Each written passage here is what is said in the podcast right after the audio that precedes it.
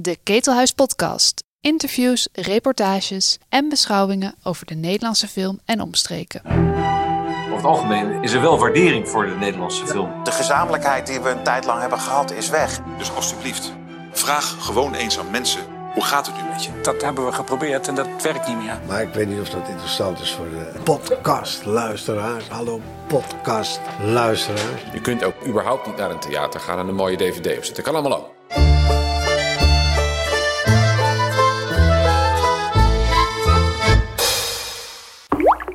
Hartelijk welkom bij de 55e editie van de Ketelhuis Podcast, waarin we terugkijken op het filmjaar 2021. Ehm, wie zijn wij? Mijn naam is Alex de Ronde, ik werk bij het Ketelhuis. Bij mij in een kamer, op min of meer veilige afstand, zitten twee belangrijke heren. Hans Berenkamp, uh, filmrecensent en televisierecensent in Rusten. Nico van den Berg, uh, freelance journalist, maar ook uh, medewerker van het ITVA. En op veilige afstand, uh, want door corona overspoeld en overmand, Floortje Smit. Uh, nu nog even filmmedewerker van de Volkskrant. Hoe gaat het met de corona daar in Noord-Holland op jouw boerderijtje, Floortje? Op mijn boerderij? Nou, mijn zoon is inmiddels geveld en ik denk ik zelf ook. Maar officieel zit ik nog te wachten op uh, bericht van de GGD. En wat zijn je symptomen? Uh, de symptomen zijn algehele uitputting, um, uh, keelpijn, hoofd, hoofdpijn, erge hoofdpijn. Ja, en niezen af en toe. Dus als ik er doorheen nies, dan uh, ligt het daaraan. Oh, dan moet je in de elleboog van deze podcast niezen, hè? dat weet je. Ga ik doen. Oké. Okay. Ja, ik had in mijn hoofd om aan, als openingsvraag aan jullie te stellen... het afgelopen jaar in één woord, maar het mogen er ook vijf woorden zijn... Floortje, tweede, het filmjaar 2021 in vijf woorden. Vijf. Waarom begin je nou met mij? Begin met iemand anders. Ik moet hier even over nadenken. Dan ga ik naar de oudste. Hans, het afgelopen jaar in vijf woorden. De bioscoop is thuis. Uh, ik kijk alleen nog maar films thuis. En ik denk dat dat voor meer mensen geldt. Och jee, nou daar gaan we het natuurlijk over hebben. We gaan het ook over rampzalige bezoekcijfers hebben straks. Uh, over niet, al die niet uitgebrachte films. We kijken ook naar onze, de sterfgevallen van het afgelopen jaar. En uh, we, we, bepalen natuurlijk wat de beste en de slechtste films zijn van het jaar. De Nederlandse, hè? Die Nederlands zijn, maar we mogen ook af en toe naar het buitenland kijken. Oké. Okay. Nico, het afgelopen filmjaar in vijf woorden. Nou ja, ik heb een keurig aan één woord gehouden, of een één begrip liever gezegd. Dat is déjà vu. Uh, als je nou kijkt wat er, uh, waar we nu zitten ten opzichte van vorig jaar, dan krijg je toch een heel sterk déjà vu gevoel. Ook als je kijkt naar hoe vertrouwd het ook weer was om de paar maanden dat het kon dit jaar, om meer, om meer in de bioscoop te zitten. Het type films uh, wat we weer te zien hebben gekregen. Ja, voor mij is het echt een jaar van déjà vu. Of in filmtermen te blijven Groundhog Day gebleven. Dat zijn toch twee woorden, déjà vu? Ja, ja, ik zou een, een, twee woorden, één begrip. Maar ik zit wel ruim binnen de vijf woorden. Goed, ik mat je met een verbindingsstreepje. Uh, Floortje. Ja, ik dat doe ik er wel één. woorden. Nee, ik doe er één. Frustratie. Gewoon keiharde frustratie. Ja, ja, ja. Ja, frustratie over uh, bioscopen die niet opengaan. Terwijl het feitelijk volgens mij een van de veiligste plekken is, uh, is om films te bekijken. Um, frustratie over dat als je eindelijk weer gewoon films op het grote doek kan zien, uh, dat dat na een paar maanden weer afgelopen is. Frustratie van dingen inderdaad op je laptop moeten kijken. Uh, frustratie over dat niet de allerbeste films werden uitgebracht, vaak in die hele lockdown-periodes. Um, ja, nou ja, frustratie dus. Oké. Okay. We hebben het jaar ook in 3,5 minuut samengevat. Daar gaan we nu even naar luisteren. Het ontbreekt ons niet aan verhalen. Man, ik heb vannacht niet geslapen. Wie heeft, uh, wij hebben allemaal niet geslapen. Dit is zo verschrikkelijk wat hier gebeurt. The film that won the Palme d'Or is Titan. Wait, wait, wait. Le film qui a reçu la Palme d'Or. Non. Ah, on a évité le pire. Non, non. Goes to Nomadland. Nu komen toch die trommels? Ja, dan moet je geloof ik eerst zeggen de winnaar is. Oh. En dan komen de trommels. De winnaar is... De veroordeling. De veroordeling! Beste film 2021! We zijn vandaag hier om uw zaak te behandelen. Een zaak die inmiddels in de media bekend staat als de Deventer-moordzaak. Meneer Lauwers, wat gaat u vandaag horen? Uiteraard, vrijspraak. Je ziet in, in, in media, talkshows, social media... dat feiten ondergeschikt zijn aan emoties en aan meningen. En wie het hardste schreeuwt, ehm, wordt eerder gehoord dan degene die het beste onderzoek heeft gedaan. En dat is levensgevaarlijk. Maar eerst de nieuwstrend, eh, Tom. Vandaag over een nieuwe Nederlandse film, De Oost. Ja, want daar is veel over te doen. De film komt over een paar dagen uit en gaat over de gewelddadige periode... toen Nederlandse militairen na de Tweede Wereldoorlog het gezag probeerden te herstellen in Indonesië. God nou nu, is het hier verdomde heet zeg.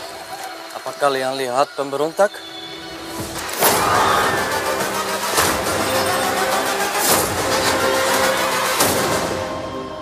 Veteranen zijn niet blij met de film en hebben bij de rechter geëist dat er een duidelijke disclaimer in beeld komt voordat de film begint. Daarin moet staan dat het om een fictief verhaal gaat, omdat ze zich totaal niet in deze film herkennen.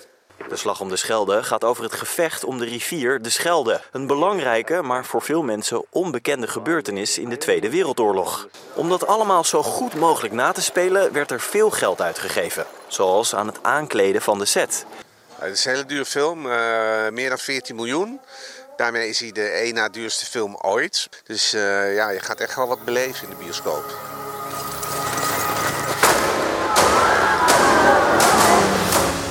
We willen juist stap voor stap meer ruimte geven aan alle sectoren. Bijvoorbeeld ook het theater en de bioscopen. Ook kunst en cultuur is essentieel voor het welzijn van mensen. Er is ook maar niemand in het kabinet die dat uh, on on ontkent. Maar de ene hobby is niet beter dan de ander. Ik zit nu hier bij het Filmfonds, hè, mm. anderhalf jaar. En waar we heel erg mee bezig zijn is te proberen om alles wat verkeerd is in het systeem te veranderen. Het Filmfonds is nu bezig met belangrijke zaken zoals representatie, uh, diversiteit, gendergelijkheid en allemaal dat soort zaken, dat soort verheven idealistische zaken. Daar zijn ze mee bezig. Maar waar ze niet bezig mee zijn is talent, want dan zouden ze iemand als Paul hoeven koesteren. Nederland gaat nog een keer op slot. Bioscopen, theaterzalen, um, allemaal dicht. Ja, wanneer je dan ziet dat kerstmarkten wel open ja, blijven, precies. dan kan je toch zeggen van ja, de glühwein heeft het hier gewonnen van de cultuur. Hè? Dat belooft natuurlijk niet veel goeds. Ja, we zouden er hier een quiz van kunnen maken. Uh, maar wie hoorden we achtereenvolgens? Willem-Alexander, Mark Rutte, Spike Lee, die uh, vroegtijdig de Gouden Palm in Cannes uh, verklapte. was waarschijnlijk een beetje beneveld. de Oscar-uitreiking, uitreiking van de Gouden Kalf voor de beste film. Toen een stukje over de veroordeling. Aan het woord kwam onder meer Bas Haan, de journalist op wiens boek dat allemaal gebaseerd is. Eén vandaag over de Oost, Omroep Zeeland over de slag om de Schelde. En dan komt alleen de, Vita vertellen dat het wel een hele dure film was. Toen hoorden we alweer Mark Rutte, toen Ingrid van Engelshoven, toen Erik Wiebes, toen Bero Beijer, Hans Theeuwen, Mark Rutte, Mark van Ranst, de, de, de beroemde Vlaamse tegenhanger van Van Dissel. En tenslotte weer onze demissionaire premier. Hans, heb je nog iets toe te voegen aan dit uh, uitputtende jaaroverzicht? Nou, dat, dat een vandaag item over de Oost, dat was zo idioot. Uh, het herstellen van het gezag wordt het over gesproken. Er was een heel klein groepje uh, fossiele veteranen die dat dwars zat. En dat wordt dan gewoon overgenomen alsof het een nieuwsfeit is. De Oost was de beste en de belangrijkste Nederlandse film van het afgelopen jaar, maar dat heb ik hier al eens eerder beweerd. Maar er, uh, ja. En die verlangde disclaimer is er nooit van gekomen, hè? Nee. Heb je, uh, Mico, nog iets toe te voegen? Nou ja, wat kenmerkend is voor het Nederlandse cultuurbeleid, zou ik haast willen zeggen, is ondanks de goede bedoelingen van, van Engelshoven, is de aarzeling in uh, cultuurbeleid, is, vinden we allemaal belangrijk. Of er is niemand die dat niet belangrijk vindt ja, dat is misschien wel in een notendop uh, hoe er uh, vanuit de politiek en het bestuur naar cultuur wordt gekeken. Um, ja, dat. Ook bij de zuidenburen die dat, die Fransie prachtig samen Ja, en dat gaat nog net iets idioter inderdaad. Uh, op het moment dat horeca wel open mag en bioscopen niet. Um, uh, ik word er wel weer blij van de, van de publieke ongehoorzaamheid uh, in Brussel met name. Waar bioscopen nu deze dagen wel gewoon open blijven. En waar zelfs burgemeesters hebben gezegd, hier gaan we niet tegen optreden. uh, daar zijn we toch in Nederland, ondanks, onze, ondanks het feit dat we onszelf als rebellen zien, toch een stuk mee gaan erin. Dus dat zegt ook al wel wat, uh, denk ik. Ja, hoe, hoe, komt het eigenlijk dat die burgerlijke ongehoorzaamheid in Nederland niet bij de bioscoop aanwezig is? Dat weet Floortje, denk ik. Nou ja, kijk, in België hebben ze natuurlijk, daar hebben ze gewoon echt een heel raar onderscheid gemaakt door, door de horeca compleet open te laten en uh, de bioscopen dicht te doen. Ik bedoel, iedereen kan natuurlijk op zijn vingers natellen dat dat een vrij idiote beslissing is. Is de druppel glühwein die de emmer doet overlopen. Als je, nou ja, kijk, na twee jaar weten we ongeveer wel hoe die besmettingen plaatsvinden. Of nou ja, toch tot mm zekere hoogte. En dat zijn mensen die tegen elkaar praten, bijvoorbeeld in een café, omdat ze te veel gedronken hebben met veel consumptie. Ja, in een bioscoop kijken we allemaal dezelfde kant op. Iedereen houdt zijn mond en daarna gaat iedereen weer keurig weg. Dus de besmettingskans is daar gewoon veel kleiner. Als je echt wat wil doen aan die besmettingen, dan moet je niet een bioscoop dichtgooien, maar dan moet je de horeca dichtgooien. En dan zou je juist kunnen redeneren: we houden de bioscopen open Puur en alleen omdat je mensen ook gewoon iets moet geven. Het is gewoon een uitzichtloze tijd geweest uh, de afgelopen nou, twee jaar. Um, mensen hebben cultuur nodig en dat wordt, dat wordt ontzettend onderschat. Maar de vraag van Hans was: uh, waar komt die burgerlijke ongehoorzaamheid in Brussel vandaan? Nou ja, omdat daar denk ik het contrast, het contrast is zoveel groter. Kijk, bij ons ging alles weer in één keer dicht. En ik vind het voor de horeca vind ik het ook stuitend dat dat, dat op dit moment uh, dicht is. Terwijl iedereen vervolgens zijn biertjes gaat halen in België.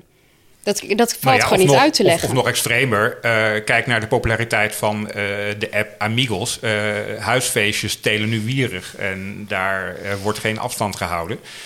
Wat ik ook voor België denk wel meespeelt, is natuurlijk de, de, de, de kluwen aan ontelbare bestuurslagen. Waardoor Brussel een agglomeratie is met 17 of nog wat burgemeesters en tig politiekorpschefs.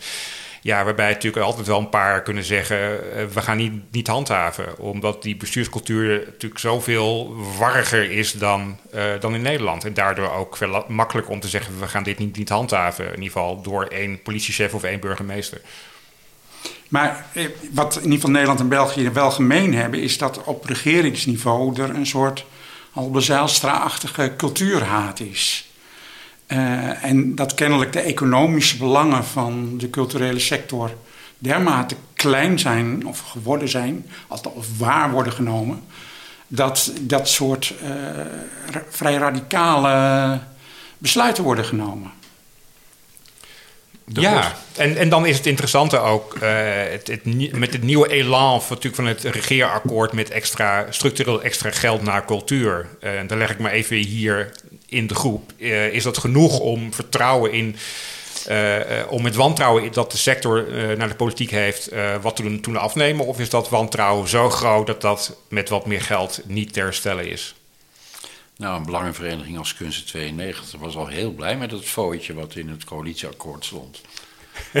en de manier waarop jij over voortje praat, uh, doet vermoeden dat jij daar wat anders over denkt. Het is een fooitje in een akkoordje, ja.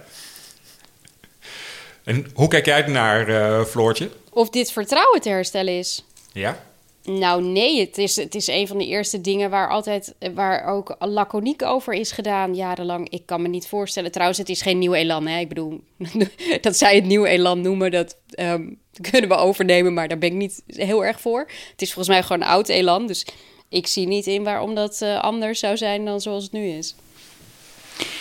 Wat ik wel uh, nog als kanttekening daarbij zou willen plaatsen, is dat uh, wat er nu gebeurt natuurlijk ook past in een ontwikkeling die al voor corona gaande was. Dat uh, steeds meer mensen films thuis willen kijken. En dat het sluiten van de bioscopen daar onbedoeld uh, een extra uh, stimulans aan geeft. Um, en ik denk dat het heel erg van belang is voor de bioscopen om daar toch ook een antwoord op te formuleren. Kijk, bijvoorbeeld filmredacties van kranten besteden nu, denk ik, ongeveer evenveel, zo niet meer aandacht aan films die niet in de bioscoop worden vertoond. Dan uh, aan films die wel in de bioscoop in première gaan. Nou ja, dat zeggen, is ja, niet dat helemaal, is, dat, dat, dat is niet helemaal waar. de bioscopen nu dicht zijn. Ja, dat, dat is de puur de enige reden dat wij in de, in de Volkskrant res, uh, recensies schrijven over online films. Dat is omdat de bioscopen dicht zijn. En maar dat deden jullie iets... ook al voor corona? Nee, nooit. Werd er nooit geschreven nee. over Netflix-films? Nee. Nee, als het in de bioscoop kwam. Dat was bij ons echt uh, uh, de ondergrens. Bovendien denk ik serieus dat als iets uh, goed is geweest voor de bioscopen... in die zin dat het, dat het corona is. Want ik denk dat iedereen echt wel een beetje uitgenetflixt is.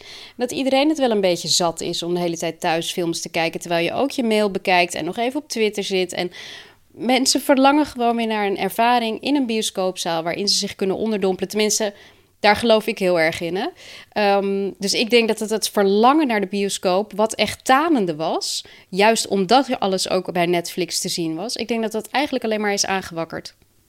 Dat zag je ook met de uitverkochte zalen. Toen de bioscopen eenmaal weer open mochten, uh, was er een enorme run op kaarten ook. En hetzelfde geldt ook voor muziekbeleving. Uh, vorig jaar waren er in deze tijd nog wel een flink aantal gestreamde live concerten. Ja, dat is tegenwoordig, dat is nu gewoon niet meer zo. Mensen zijn gewoon moe om op die manier naar, naar muziek, naar film, wat dan ook te kijken. Mensen snakken weer naar een live beleving. Ik hoor ook nauwelijks meer mensen die nu echt avonden zitten te bingen. Ja, omdat je voor de rest niks anders kan doen, maar niet uh, uit een soort van positieve stimulans. Hans, hier lijkt een zekere consensus dat niemand is echt bang voor voor de on, definitieve ondergang van bioscopen en filmtheaters. Bij jou bespeur ik wel een, ja, ik een merk dat twijfel. Ik, dat ik uh, The Power of the Dog uh, op Netflix kan bekijken... een paar dagen na de uh, kortstondige bioscooppremière. En dat ik dat eigenlijk heel prettig vind. Ik niet het gevoel heb dat ik zo ontzettend veel mis... als ik een Jane Campion film op een groot tv-scherm moet zien, noodgedwongen. Ik vind dat nou net een voorbeeld van een film die je juist in de bioscoop zou moeten zien. Die is prachtig op groot scherm. Ja, maar op een groot scherm vind ik hem ook heel mooi. En ik merk bij mezelf dat de, de, de, de ontoegankelijkheid van de bioscoop nu uh, mij uh, sterkt in mijn toch al aanwezige neiging om meer films thuis te gaan kijken. Dus jij denkt dan niet op zo'n moment, zag ik dit maar op een groot scherm? Dat had ik vroeger wel en dat krijg ik steeds minder.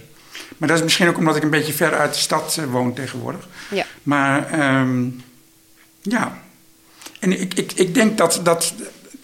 Ik verbaas me dat jij zegt dat jullie bij de Volkskrant nooit over uh, niet in de bioscoop vertoonde films schreven. Ik zie dat bij de andere filmredacties toch wel heel duidelijk, volgens mij, dat er steeds meer aandacht wordt besteed aan. Uh, ook aan oudere films, ook aan films die je uh, uh, streamingdiensten kan zien, films die je op televisie kan zien, series. het primaat van de bioscoop is minder evident dan het de afgelopen honderd jaar was. Ja, maar ik denk dat het juist het interessante is, en daar komen we misschien denk ik straks ook nog wel op, is dat waar het eerder misschien heel simplistisch als twee tegenpolen werd gezien, streaming versus bioscoop, dat je dat nu uh, dat, dat het nu meer. Um, dat, dat ze elkaar nu meer aanvullen. Uh, kijk naar wat Netflix. Hoe, gewoon vinden we het nu dat een Netflix-film uh, in ieder geval een goede, zoals The Hand of Gold of de nieuwe Jane Campion, ook een aantal weken in de bioscoop draait. Netflix investeert ook in een paar mooie bioscopen in de VS. dus die, die samenwerking is er veel meer. Dan dat eerst misschien wel werd gezien. Sterker, ik denk dat de invloed van streamingdiensten uh, alleen maar goed zijn voor de film en daarmee ook voor de bioscoopcultuur. Hans, dat zou heel mooi zijn als dat Hans, het effect was. Hans, ik mag toch hopen dat dit een tijdelijke uh, vlaag van ouderdom is. Dat je hier met droge ogen bepleit dat je net zo goed thuis kan blijven. Dan is dit, ben ik bang, de laatste bijdrage aan de Kethuis podcast. Want wij staan natuurlijk uiteraard voor de theatrale beleving van film. Ja, maar dat, dat ben ik ook. En ik, ik zeker. Uh, maar ik zie dat uh, de samenleving als geheel langzaam een andere kant op gaat. En dat snap ik.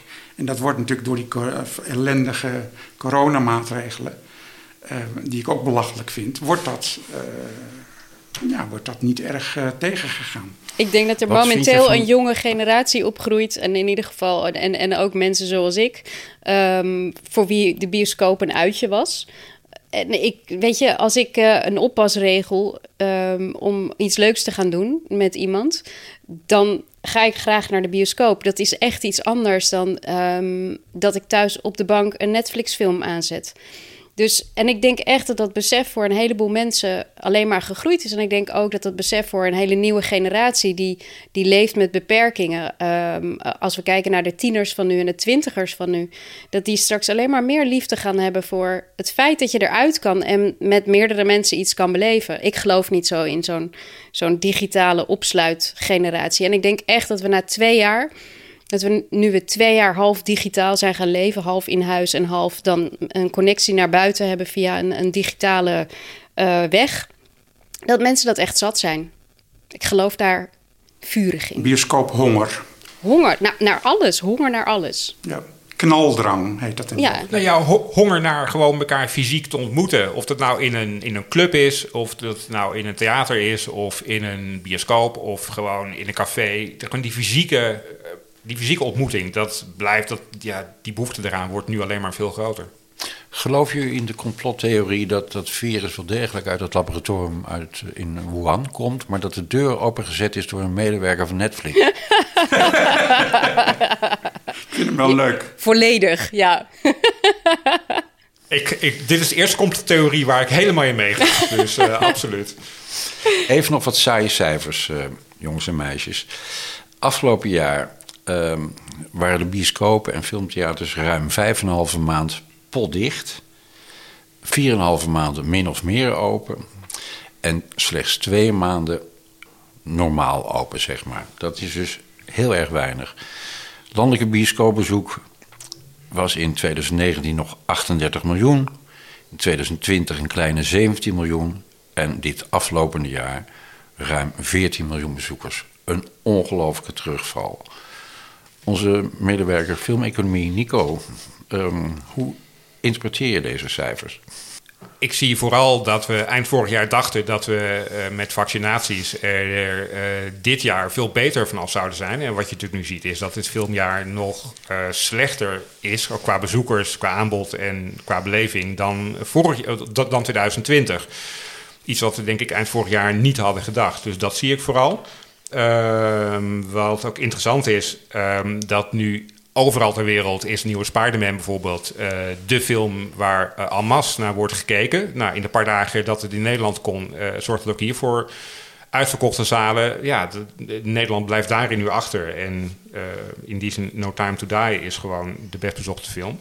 En de structurele shift ook van bioscoopbezoek uh, op de wereldwijde box-office uh, naar China. Als je nu ook weer wederom kijkt naar de wereldwijde box-office...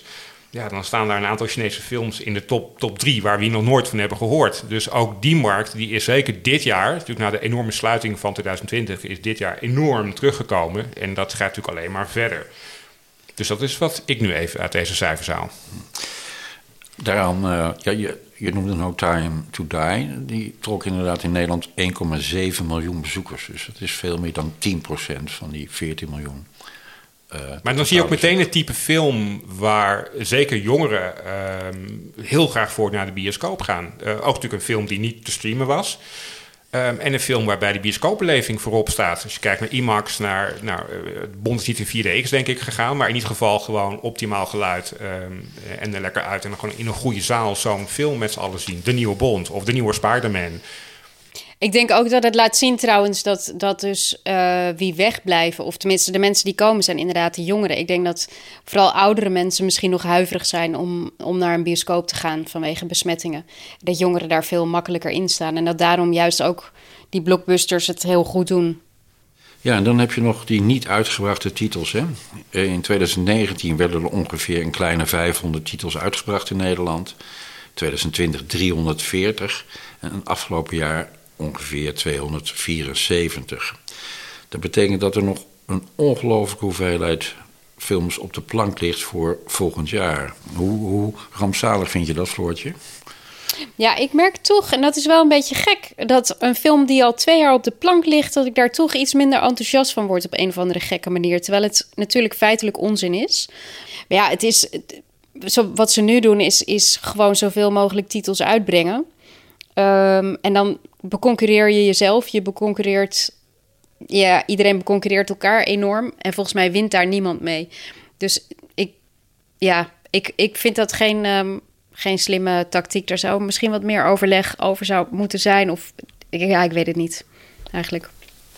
Nou, de enige methode is natuurlijk uh, titels schrappen. Ja, maar ja, wie wil nou zijn titel schrappen? Want iedereen heeft het net best slecht gehad. Dus ja, een titel schrappen, dat is natuurlijk ook weer minder kans op, op. Weet je, er is natuurlijk niemand die zegt: Nou, weet je, ik haal mijn titel er wel uit. Uh, omdat jij een soort gelijke film hebt. Kijk, voor mij het lastige daarbij is dat er voor online nog steeds niet echt een, een heel solide verdienmodel is. Als je het vergelijkt met het verdienmodel in de bioscoop. Uh, en ik denk op het moment dat dat gaat verschuiven, dat je dus ook met online wat meer kan verdienen. Ik denk dat je pas dan echt een verschuiving gaat zien van met name wat kleinere films die uh, puur online worden uitgebracht. Ik denk tot die tijd krijg je weer situaties als toen de bioscopen hier weer open waren van 15 nieuwe films op een dag. Waarbij, als ik ook bij wat distributeurs ehm, van wat kleinere films en wat kleinere documentaires navroeg ja, die omzetten zijn, zijn niet al te best. Maar dat is natuurlijk ook omdat je nog, een, nog steeds in een soort van tussenfase zit. Uh, van het verdienmodel ligt toch voornamelijk nog bij de bioscoop en nog niet echt bij online. En ja, in die fase zitten we nu, nu nog steeds, denk ik. En pas als daar uitzicht is, dan zie ik eh, pas voor me dat het aantal echt naar beneden gaat. Maar voorlopig gaat dat niet gebeuren, denk ik. Dus komend jaar worden er, als de bioscoop en filmtheaters weer open zijn, worden er 20 nieuwe titels per week uitgebracht. Dat, uh, dat verwacht ik wel. Ja, het lijkt me zeker niet verstandig. Maar goed, dat is volgens mij een discussie. Eh, Floortje zei ook al, dat wordt al jarenlang geroepen dat het eh, hier veel te veel is. Maar ja, veranderen doet het niet. Ook, dat deed het ook niet in niet-coronatijd. Ben jij blij dat je weg bent bij de Volkskrant, Floortje? nee. ja, nee, nee. Wat is, wat is dit nou weer voor strikvraag, Alex? Uh, waarom, waarom specifiek uh, vraag je dat nu? Aanhakend Omdat bij? je dan, uh, jij hoeft niet meer mee te werken aan een filmpagina waarop je twintig première titels per week moet bespreken. In laten we zeggen, twaalf woorden per, per, film. Nou ja, wij kregen het steeds. Kijk, uh, wij bij de Volkskrant wilden altijd um, compleet zijn in, in alle recensies. Uh, ja, op het moment dat er twintig films uitgaan, dan red je dat eigenlijk niet meer. Dus daardoor hebben wij al noodgedwongen het afgelopen jaar een aantal keer uh, niet alle films besproken die, die uitgingen.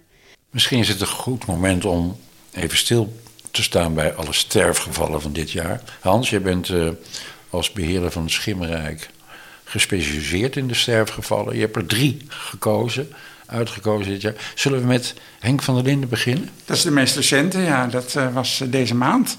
Gaan we eerst even naar Henk uh, luisteren. Ik werd eigenlijk niet serieus genomen. Ik werd altijd een veredelde amateur genoemd. ja, dat interesseerde mij niet. Ik maakte geen films voor, voor volwassen mensen, ik maakte films voor kinderen.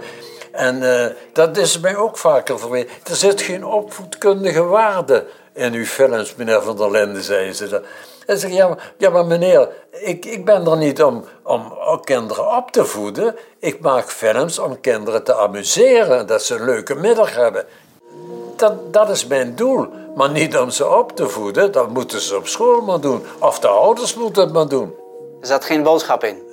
Nee, waarom? Ik, ik, ik ben geen apostel, ik ben een filmmaker.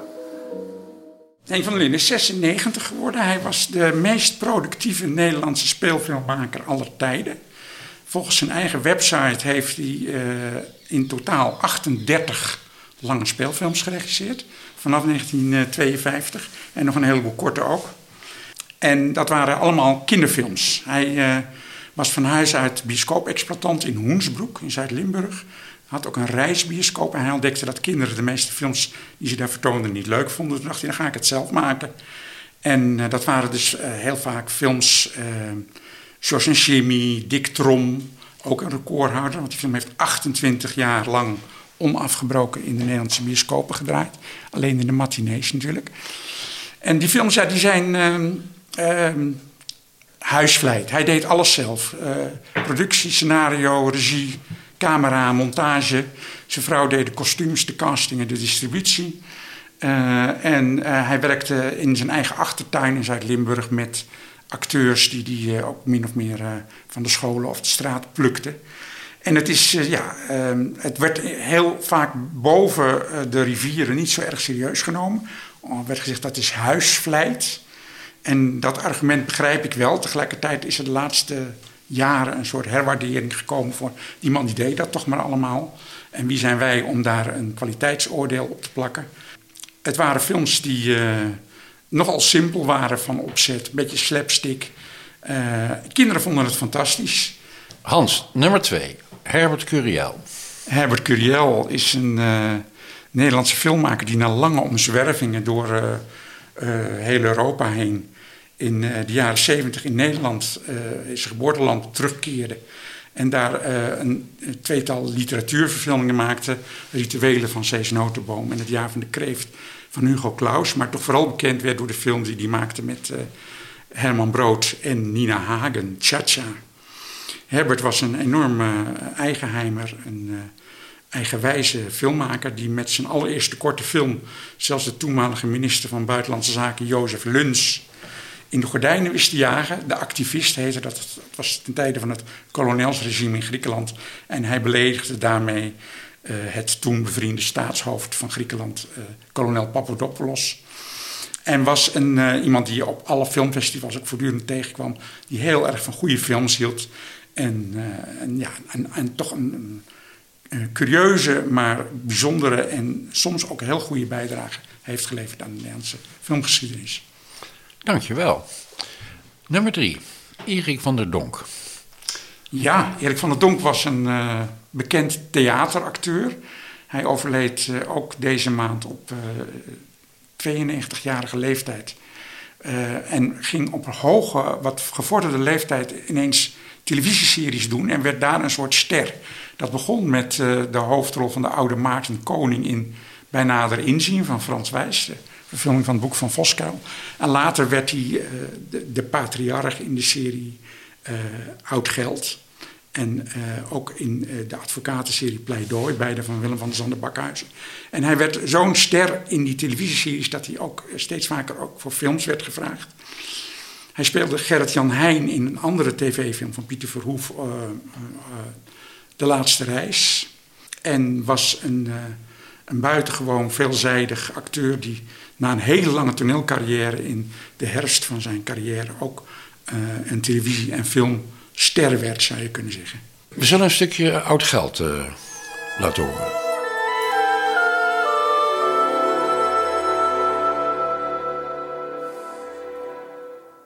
Zinloze emoties heb ik mezelf nooit toegestaan, dat weet je.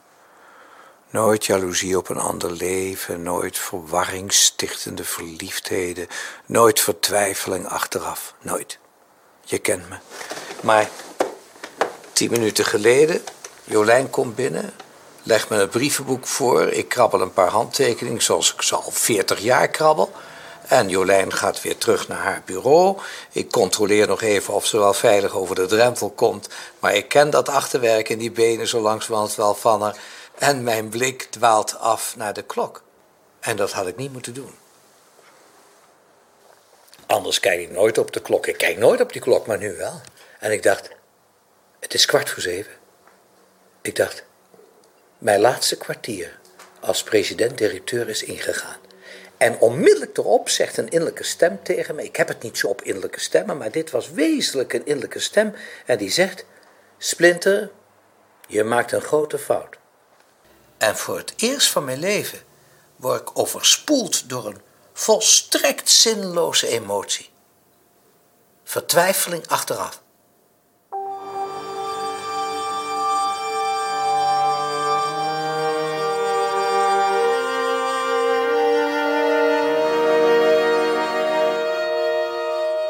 Ja, vertwijfeling achteraf. Dat is wel een heel mooi bruggetje uh, naar uh, Floortje Smit... die binnenkort uh, voor het ketenhuis komt werken... en afscheid neemt van de Volkskrant. um, Floortje, ja.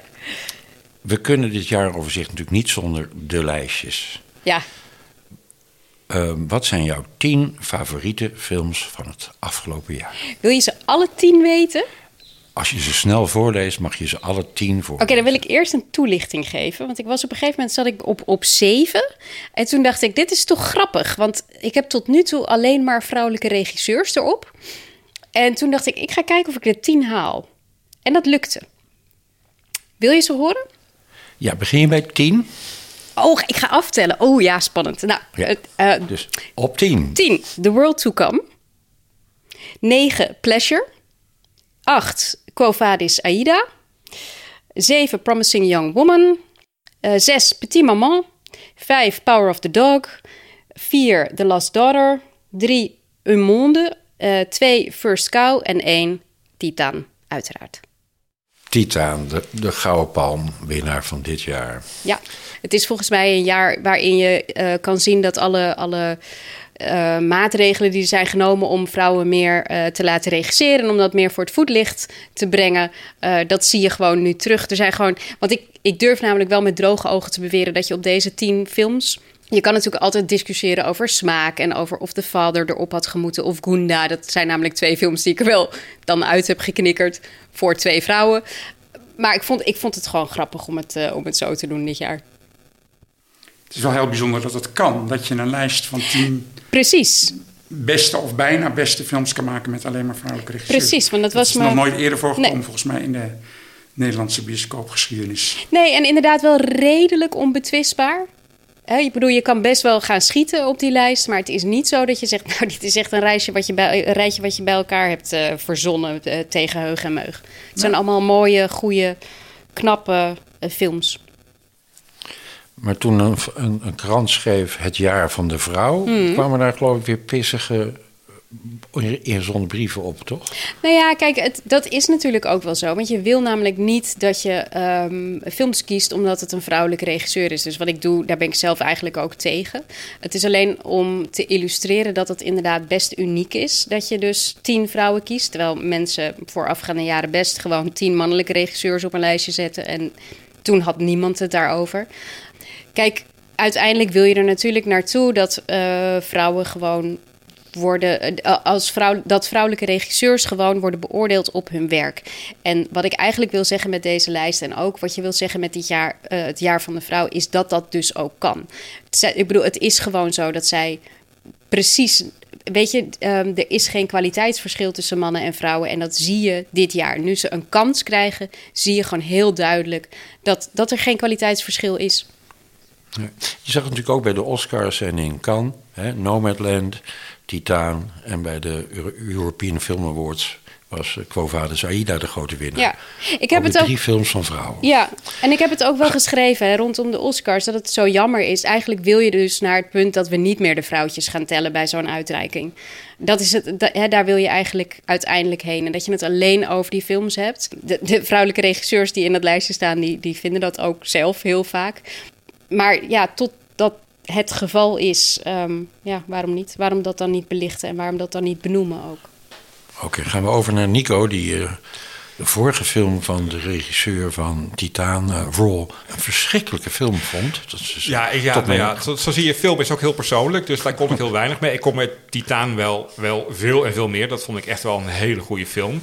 Ik sluit me wel aan wat Swartje net ook zei, dat je echt niet hoeft te zoeken. Uh, en dat in mijn, in mijn top 10 op mijn lijstje ook gewoon bijna natuurlijk ook gewoon alleen maar uh, vrouwen staan. En het jaar van de vrouw klinkt dan meteen al zo, zo'n frame van... oké, maar volgend jaar moeten ze weer terug in, uh, in, in de kasten achter het aanrecht. Ik denk dat het juist goed is om die structurele ontwikkeling te, te benoemen.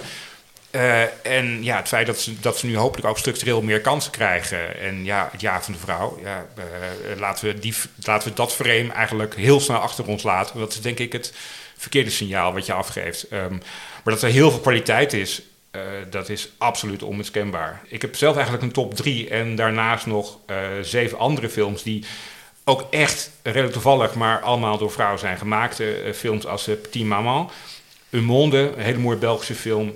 Titaan zit daar ook zeker bij, net niet in mijn top drie. Power of the Dog, Nomadland, Corvades Aida. En ik wil ook even de serie van Mark Cousins highlighten, Women Make Film. Mark Cousins, ik, ik ben echt een sukker voor de manier waarop hij documentaires uh, uh, maakt over de filmgeschiedenis. En zijn wat, wat lijstige stem eroverheen. Ik val er echt als een blok voor. Uh, niet alleen met de Story of Film, maar zeker ook met deze serie, Women Make Film. Erg de moeite waard om ergens online te zien.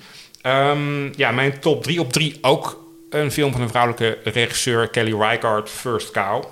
Uh, sowieso zijn mijn top 10 films denk ik redelijk inwisselbaar. Ik vind ze allemaal gewoon heel erg goed. Alleen misschien mijn nummer 1 is. Wel staat wel echt ver boven de rest uit.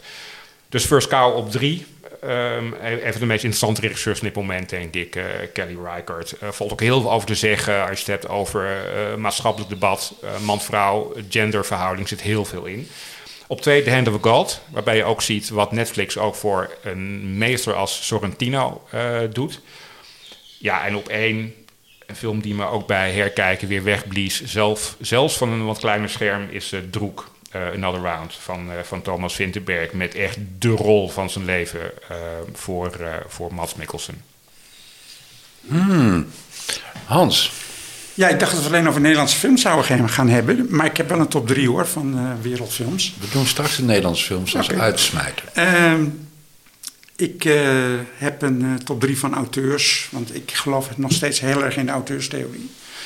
En dan staat uh, bij mij op drie Jane Campion met The Power of the Dog. Op twee Leos Carax met Annette. En op één Paolo Sorrentino met Estato la mano de Dio, oftewel The Hand of God. En dat zijn alle drie grote films die me heel veel plezier hebben gegeven. en die ook ergens over gaan. En die ook heel duidelijk de hand van hun maker reflecteren. En dat vind ik nog steeds buitengewoon prachtig. Voor Sorrentino vind ik dit eigenlijk zijn beste film, omdat voor het eerst. Bij Sorrentino is alles altijd een beetje te. En hier komt hij voor het eerst in een soort evenwicht terecht tussen zijn eigen verhaal en de wereld die hij mooier wil maken met films. En hier is dat voor het eerst, zie je ook waar dat vandaan komt, die behoefte, en valt dat helemaal samen. Campion en Sorrentino heb je thuis in Friesland gezien, op de bank. Ja. Maar Carax, waar heb je die gezien, Hans? Op het uh, uh, Parool Amsterdam Filmfestival. In een theater dus? Ja, in een theater. Want die is nog niet online. Nee, maar ik zeg niet dat je niet meer online... Nee, we maken er geen karikatuur van. Ik zeg niet dat je niet meer in een bioscoop mag kijken. Ik zeg alleen dat het vanzelfsprekende primaat... dat een film alleen maar in de bioscoop bekeken wordt... en dan pas de moeite waard is... dat ik zie dat dat verschuift. Maar wat is jouw lijstje, Alex? Wat we zo op de Nederlandse titels overgaan? Ik heb geen lijstje. Wat? Omdat ik gespreksleider nou, ja, ben. Zeg, Nou. Alex. Maar mijn lijstje bestaat op één Titaan, op twee Quo Vadis Aida en drie Un Monde slash allemaal vrouwen. Dat zou heel goed kunnen. En Sorrentino, dat is, eh, het is een van de minste Sorrentino's uh, uit zijn hele oeuvre. Maar daar gaan we het gelukkig niet over hebben. Nou gaan we het dan over Droek hebben. Dat, Nee, we gaan het niet over Droek hebben. oh, verschrikkelijke film. Oh, we gaan het dus, oh, daar gaan we het allemaal niet over hebben. Nee. Ehm, Wat vonden we van het, eh, het Nederlandse filmjaar eigenlijk? Dat vind ik ook wel interessant. De beste Nederlandse film van het jaar. Ehm, volgens de verzamelde uh, uh, Nederlandse filmcritici, verenigd in de KNF... die hebben een hele bizarre Nederlandse film gekozen. hè. Ja, het mocht. Uh, Quo Vadis Aida, een Ja. Nederlandse koopproductie. Een he- hele kleine weliswaar, maar ja, klopt. Maar er zit dus misschien wel meer geld, Nederlands geld in Droek dan in Quo Vadis Aida. Dat, daar heb je helemaal gelijk in. Daar kan ik je daar niets meer dan gelijk in geven. Ehm, het, het zegt wel wat over de kracht van de film. Dat, eh, dat, eh, het, het is wel ver weg, of het is wel de film die, die, ehm, ja, die echt met stippen op één staat eh, in, de, in het Nederlandse lijstje. Maar goed, zijn ook genoeg filmjournalisten die als reactie gaven... ja, toch wel heel vreemd dat zo'n hele kleine eh, minoritaire, minoritair aandeel... eh, dat dat meetelt als Nederlandse film. Maar ja, dan blijven we weer de discussie... die we ook eerder in de Ketels podcast hebben gehad... ook met producenten. Ja, is de toekomst vooral in eh co-producties... of is de toekomst vooral in het, in het zelf initiëren van eigen Nederlandse films? Ja, en dat is een debat wat denk ik volgend jaar nog steeds verder gaat. Maar ja, kijk, nationale identiteit wordt inderdaad steeds minder belangrijk in films. Maar je kunt van Quo Vadis Aida zeggen dat het natuurlijk toch ook een heel aardig drieluik vormt met twee compleet Nederlandse films, namelijk Do Not Hesitate en De Oost. Die alle drie iets zeggen over eh, de redenen waarom Nederlanders zulke, eh, zo ongeschikt zijn voor eh, het militaire universum, dat ik maar zeggen. Eh, dat er een soort conflictvermijding is in de Nederlandse cultuur die maakt dat als het echt oorlog is of het er echt op aankomt, dat het dan vaak gruwelijk misgaat. Dus in dat opzicht is Quo Vadis Aida natuurlijk wel een film met een, eh, met een wat Nederlandse identiteit. Hij zou bij mij uh, net de top drie gemist hebben, maar wel op vier staan, denk ik. Samen dat met inderdaad dan met de Oost op één en Do Not Hesitate op, op twee. En ik, in mijn top drie zou dan ook toch de, de enige echte Nederlandse coronafilm komen, namelijk Love in a Bottle. Van Paul van der Oest. Van Paul van der Oest, ja. Die staat op één. Die staat op drie. Ook die op drie. De Oost uiteraard op één. Eén, ja. En, en Do Not Hesitate op twee. Ja. Mooi ja. lijstje. En Paul van Oest, dat is de meest ondergesneeuwde film van dit jaar. Kun je wel zeggen. Nederlandse film in Nederlandse film, ja, ja. ja. Floortje, wat is de beste Nederlandse film van dit jaar? Ja, ik vind dat lastig. Ik, kijk, Do Not Hesitate heeft op mij de meeste indruk gemaakt... maar dat komt omdat ik die op groot scherm heb gezien. Dat denk ik ook. En ja, ik heb de Oost op een klein scherm gezien. En ik denk echt dat dat een andere indruk had gemaakt... als ik die uh, wel op een groot scherm had gezien, bijvoorbeeld. Dus het is ook weer niet helemaal eerlijk. En ik vond de veroordeling ook heel goed. Dus die drie. Maar die mogen van stuivertje wisselen, wat mij betreft. Um, bij de Volkskrant, uh, de, de, de medewerkers top 30 was het geloof ik, van de ja. medewerkers van de Volkskrant. Waren de, boven, de hoogst genoteerde Nederlandse films De Oost op 15 en Do Not Hesitate op 28. Ja, maar dat is altijd vechten, hè? Ik bedoel, we zijn met z'n vijven. Uh, mm -hmm. Ik sta daar natuurlijk volledig achter. Nico, beste Nederlandse film. Nou, ik, ik heb even een top 3 gemaakt. Dat doe ik even heel snel. Op 3 uh, een documentaire, A Man and a Camera.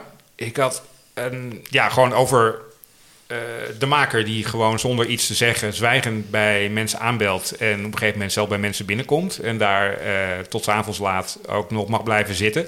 Een hele intrigerende film. Het duurde even voordat ik erin kwam, maar um, heel erg bijzonder. Dus vandaar toch een derde plek. Is dat die film van Guido Hendricks? Ja, klopt. Ja, heel bijzonder. Uh, op nummer twee, ja, toch de Alex van Warmerdam, die ik gelukkig ook nog in, op, op groot doek heb gezien, nummer 10. Het blijft. Het aantal dingen herken je gewoon uit het oeuvre, maar het is toch weer zo'n bijzondere combinatie van allerlei Warmerdam-elementen dat ik ook daar weer heel erg van heb genoten. Ja, en op één toch de veroordeling. Het verhaal ken je en des te knapper dat die film zo'n ongelooflijk goede spanningsboog heeft, zo goed is geschreven en geacteerd. Ja, dat voor mij wel echt de nummer één Nederlandse film is van het afgelopen jaar. Ik wil nog heel eventjes een kleine kanttekening maken, want ik zie dat A Man and a Camera, die staat bij ons op vijf in de Volkskrantlijst. Oh, die heb ik er mooi even gemist. Ja, jij dacht het is een documentaire, dus die telt niet of zo. Hij heeft een Engelse, hij heeft een Engelse titel. Dan, uh... ja, heeft Covadis heeft hij er wel uitgehaald. Of ook niet. Nee. Dat is Latijn. Nou, goed. Maakt niet uit. Oké, okay, nu het hoogtepunt, de slechtste Nederlandse film. Nee, dat gaan we niet doen, toch? We zijn een hele positieve podcast. Ja, gaan we nou discussiëren over wat we wel of niet gaan doen? Nou ja, oké, okay, jij bent de moderator. Jij mag het zelf weten, eigenlijk. Ik heb, een, ik heb wel een titel voorbereid. Die, uh, kijk, je hebt, je hebt slechte films en slechte films. Ik bedoel, het zijn films waarvan je veel verwacht... Uh, en die uiteindelijk heel erg tegenvallen stille hint, de openingsfilm van het NFF van dit jaar. En je hebt gewoon films die niet zo heel veel potentie hebben en daar ga je er veel makkelijker in mee. Uh, mijn vader is een vliegtuig. Uh, vond ik echt heel erg tegenvallen. Terwijl ik er heel erg veel zin, had, zin in had. Het is een verhaal die veel te veel. Nou ja, het gaat over een moeizame uh, verhouding tussen een dochter en haar vader. Wel een hele mooie rol van Pierre Bokma. Maar het is zo clichématig geschreven. Elise Schaap is een fantastische actrice, maar hier heeft ze toch echt heel weinig materiaal om, of goed materiaal om echt iets mee te doen. Toen ik de film keek, dacht ik soms: dit is een slecht geschreven Torres C-sketch. Nou, misschien een beetje hard, maar zo heb ik er wel naar gekeken. Wat ik wel een interessantere vergelijking vind, is het afgelopen jaar zag ik uh, twee musicals. Eentje waarbij ik vond, zo moet je het niet doen. En eentje waarvan ik dacht, oké, die maker heeft het heel goed begrepen. Uh, dan heb ik het over Spielberg's West Side Story. Die echt een volstrekte uh, invuloefening is. Weinig dingen echt aan toegevoegd. En ik heb het over Annette. Wat in alle opzichten uh, heerlijke vernieuwende cinema is. Zo doe je een musical anno 2021. Um, dat vond ik een mooi tweeluik. Zo moet je het wel doen. Moet. Oké, okay. in mijn ogen. En zo hoor je vernieuwende musical cinema wel te maken. Hans, jij wil die vraag ook niet beantwoorden? Nou, jawel hoor. Ik, nou, kijk, een slechte film, dat vind ik een beetje een moeilijke begrip. Ik kan wel zeggen, de films waar ik me het meest aan geërgerd heb. Ja, oké. Okay. En dat was Droek. Ik vind dat zo'n vervelende mensen. Het kost me moeite om daar ook maar één personage in te vinden waar ik sympathie voor heb. Uh, ik begrijp ook helemaal niet waar die film over gaat. Over de behoefte om je klem te zuipen en dan te denken dat het dan beter met je gaat. Dat kan ik me ook helemaal niets bij voorstellen. En toen ben ik eens gaan lezen wat mensen ervan vonden. En toen las ik ergens een recensie die zei... ja, dit zijn mensen die hun eigen middelmatigheid willen ontstijgen. Toen dacht ik, ja, misschien is dat dan de bedoeling... maar val mij daar alsjeblieft niet meer lastig. Ja, nou ja, ik, Hmm. ik ben volgens mij de meest kritische recensent geweest over, eh over Droek. En ik heb daar veel kritiek op gehad, maar ook toch hè, anoniem, als mensen me tegenkwamen, ook best nog veel bijval. Die zeiden, toch blij dat jij niet zo mee bent gegaan in die waanzin rondom Droek. Het spijt me, ik zag ook weer dat hij wordt overal, wordt hij weer in- in de hoogste lijstjes, komt hij terecht. Ik, ik snap het ook niet. Ik snap het niet. Ehm, En ik ben een enorme fan van Thomas Winterberg. Ik ook. Ik vind eh, heleboel films, eh, ook zijn koers vond ik fantastisch. Die, die, die is dan, vind ik, weer heel erg onderschat. Ehm, maar ja, dit, maar kan iemand mij uitleggen wat iedereen. Het, het gaat, wat ik dan heel vaak hoor, die, ja, die slotscène. Want het gaat er toch om uiteindelijk dat, nou ja, als je veel zuipt, dan valt er misschien wel eens een slachtoffer. Maar uiteindelijk word je er toch een beter mens van. Dat is volgens mij wat de slotscène beweert. Plots, nee, dan eh, wordt duidelijk dat hij de Mikkelsen een, een dansopleiding heeft gehad. Ja, maar dat is, ja. Nou, ik heb het slot niet, niet als heel positief gezien. Het is meer een soort van, van wanhopig slot eigenlijk. En zeker dat laatste beeld. Nou, dan moeten we nog even spoileren op moment dat hij, eh, eh, dat hij de kade af, afspringt. Dat is dan het laatste beeld wat we dan zien. Het, is eigenlijk een soort een beetje de wanhoop van je afdansen, net van een begrafenis komend. En natuurlijk ook het feit dat, ik bedoel, zeker in Scandinavische landen, eh, maar ook gewoon hier, eh, ja, ik bedoel, we hebben de mond vol eh, over, over drugs, maar al- alcohol blijft eh, ehm, eh, een, een verslaving waar we toch heel blijft een verslaving die we toch, waar we toch heel lastig van vinden om dat te veroordelen of zo. Het, is zo, het maakt zo deel uit van een cultuur. En in die vond ik het ook heel cynisch eigenlijk. Dat je ziet wat drank kan doen. en tegelijk eh, zie je dan die wagens met studenten eh, die zijn geslaagd en die zich ook helemaal klem zuipen. Waarbij de cirkel eh, zichzelf in stand houdt. Dat vond ik eigenlijk een heel passend, cynisch en daarmee dus ook passend einde. Ehm, en ik vond het waanzinnig geacteerd. Echt, ik ging daar helemaal in de film is heel goed gemaakt. Dat, dat leidt geen twijfel. Maar wat, wat, wat, jij denkt dat het een cynische visie is? Ik heb er in de- ieder geval zo naar gekeken, ja. En ik bedoel, en ik vind kunst, dat is voor een heel groot deel ook gewoon wat je er zelf uithaalt eh, aan, aan, eh, interpretatie. Ehm, en voor, ja, voor mij was dat een heel cynisch einde, ja. Ja, en dat maakt het mij juist de film ook zo sterk. Maar volgens mij is het juist een film die helemaal geen kant durft te kiezen. Want de hele boodschap is geniet, maar drink met mate. Ik bedoel, dat vind ik echt de meest simpele, simpele boodschap aan het einde van een film over alcoholmisbruik die, die je kan verzinnen. En, ehm, en er zit er gewoon in het scenario ook gewoon wel een soort... Weet je wel, die man wordt één keer dronken en meteen eh, pakt zijn vrouw eh, de kinderen onder de armen en gaat bij de moeder logeren. Het zijn, het zijn allemaal van dat soort dingen. Het is allemaal heel vrij kort door de bocht als je, er, als je hem echt gaat analyseren. Oké, mag ik jullie hartelijk danken? Graag gedaan. Wanneer gaan de bioscopen weer open? Zetten we in? Want we hadden laatst eh, hadden we gezegd 17 december gingen ze dicht. En dat was volgens mij tot op twee dagen na exact. Wanneer gaan ze weer open? Gaan we daarop inzetten? Eh, ik zeg 1 maart. Ik roep al maanden Nee, ik- 1 ik- maart. Ik, roep al, ik riep al 1 maart voordat de lockdown begon. Oké, dan zeg ik 2 maart. Ik, ik gok toch wel echt uiterlijk 1 febru- februari, maar dan wel met beperkte openingstijden en iets van capaciteit eh, eh, beperkingen. Dus open tussen 12 en 2 's middags. ja, ja, zoiets, ja. Maar ik denk toch echt wel dat tweede helft jan- januari, dan met beperkingen, dan eh, gaan er weer wat dingen open in de cultuur. Maar misschien is dat de positieve inborst in mij. Ik denk eind januari. Ik denk dat er een enorme eh, omslag gaat plaatsvinden in het denken over corona. Nou, van ons vieren lijkt Hans natuurlijk het meest op Van Dissel, hè? Ja. ja, misschien moet hij zo ook even een andere jas aandoen en kijken of we hem alsnog herkennen. Ik zou zeggen, tot volgend jaar. Tot volgend jaar. Tot volgend jaar. Tot zover deze Ketelhuis podcast. Je vindt de Ketelhuis podcast in je favoriete podcast app en natuurlijk op onze website ketelhuis.nl/slash podcast. Abonneer je vooral zodat je geen enkele aflevering mist en leuk als je een reactie achterlaat. Hou ons in de gaten, we zijn snel weer terug met een nieuwe podcast.